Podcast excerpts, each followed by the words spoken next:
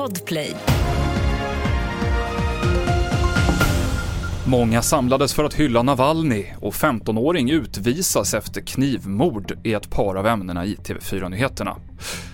Och idag så begravdes den ryska regimkritikern och Putin-motståndaren Alexej Navalny som för två veckor sedan dog i en straffkoloni i Sibirien.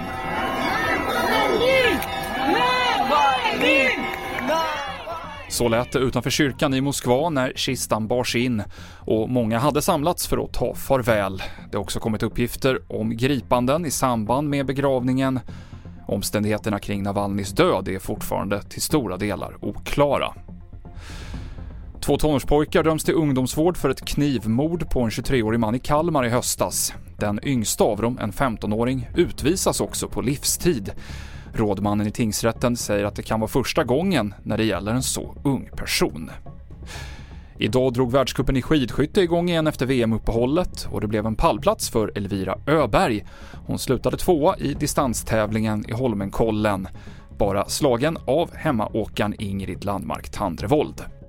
Och i oktober stängde Frankrike skolor och regeringen satte krismöten över en befarad epidemi av vägglöss. Nu säger en minister att oron förstärktes av rysk desinformation i sociala medier. Det har rapporterats om att fransk underrättelsetjänst dragit slutsatsen att det finns en koppling mellan Ryssland och väggluspaniken, men det är första gången en minister bekräftar det offentligt. Fler nyheter hittar du på tv4.se. I studion Mikael Klintevall.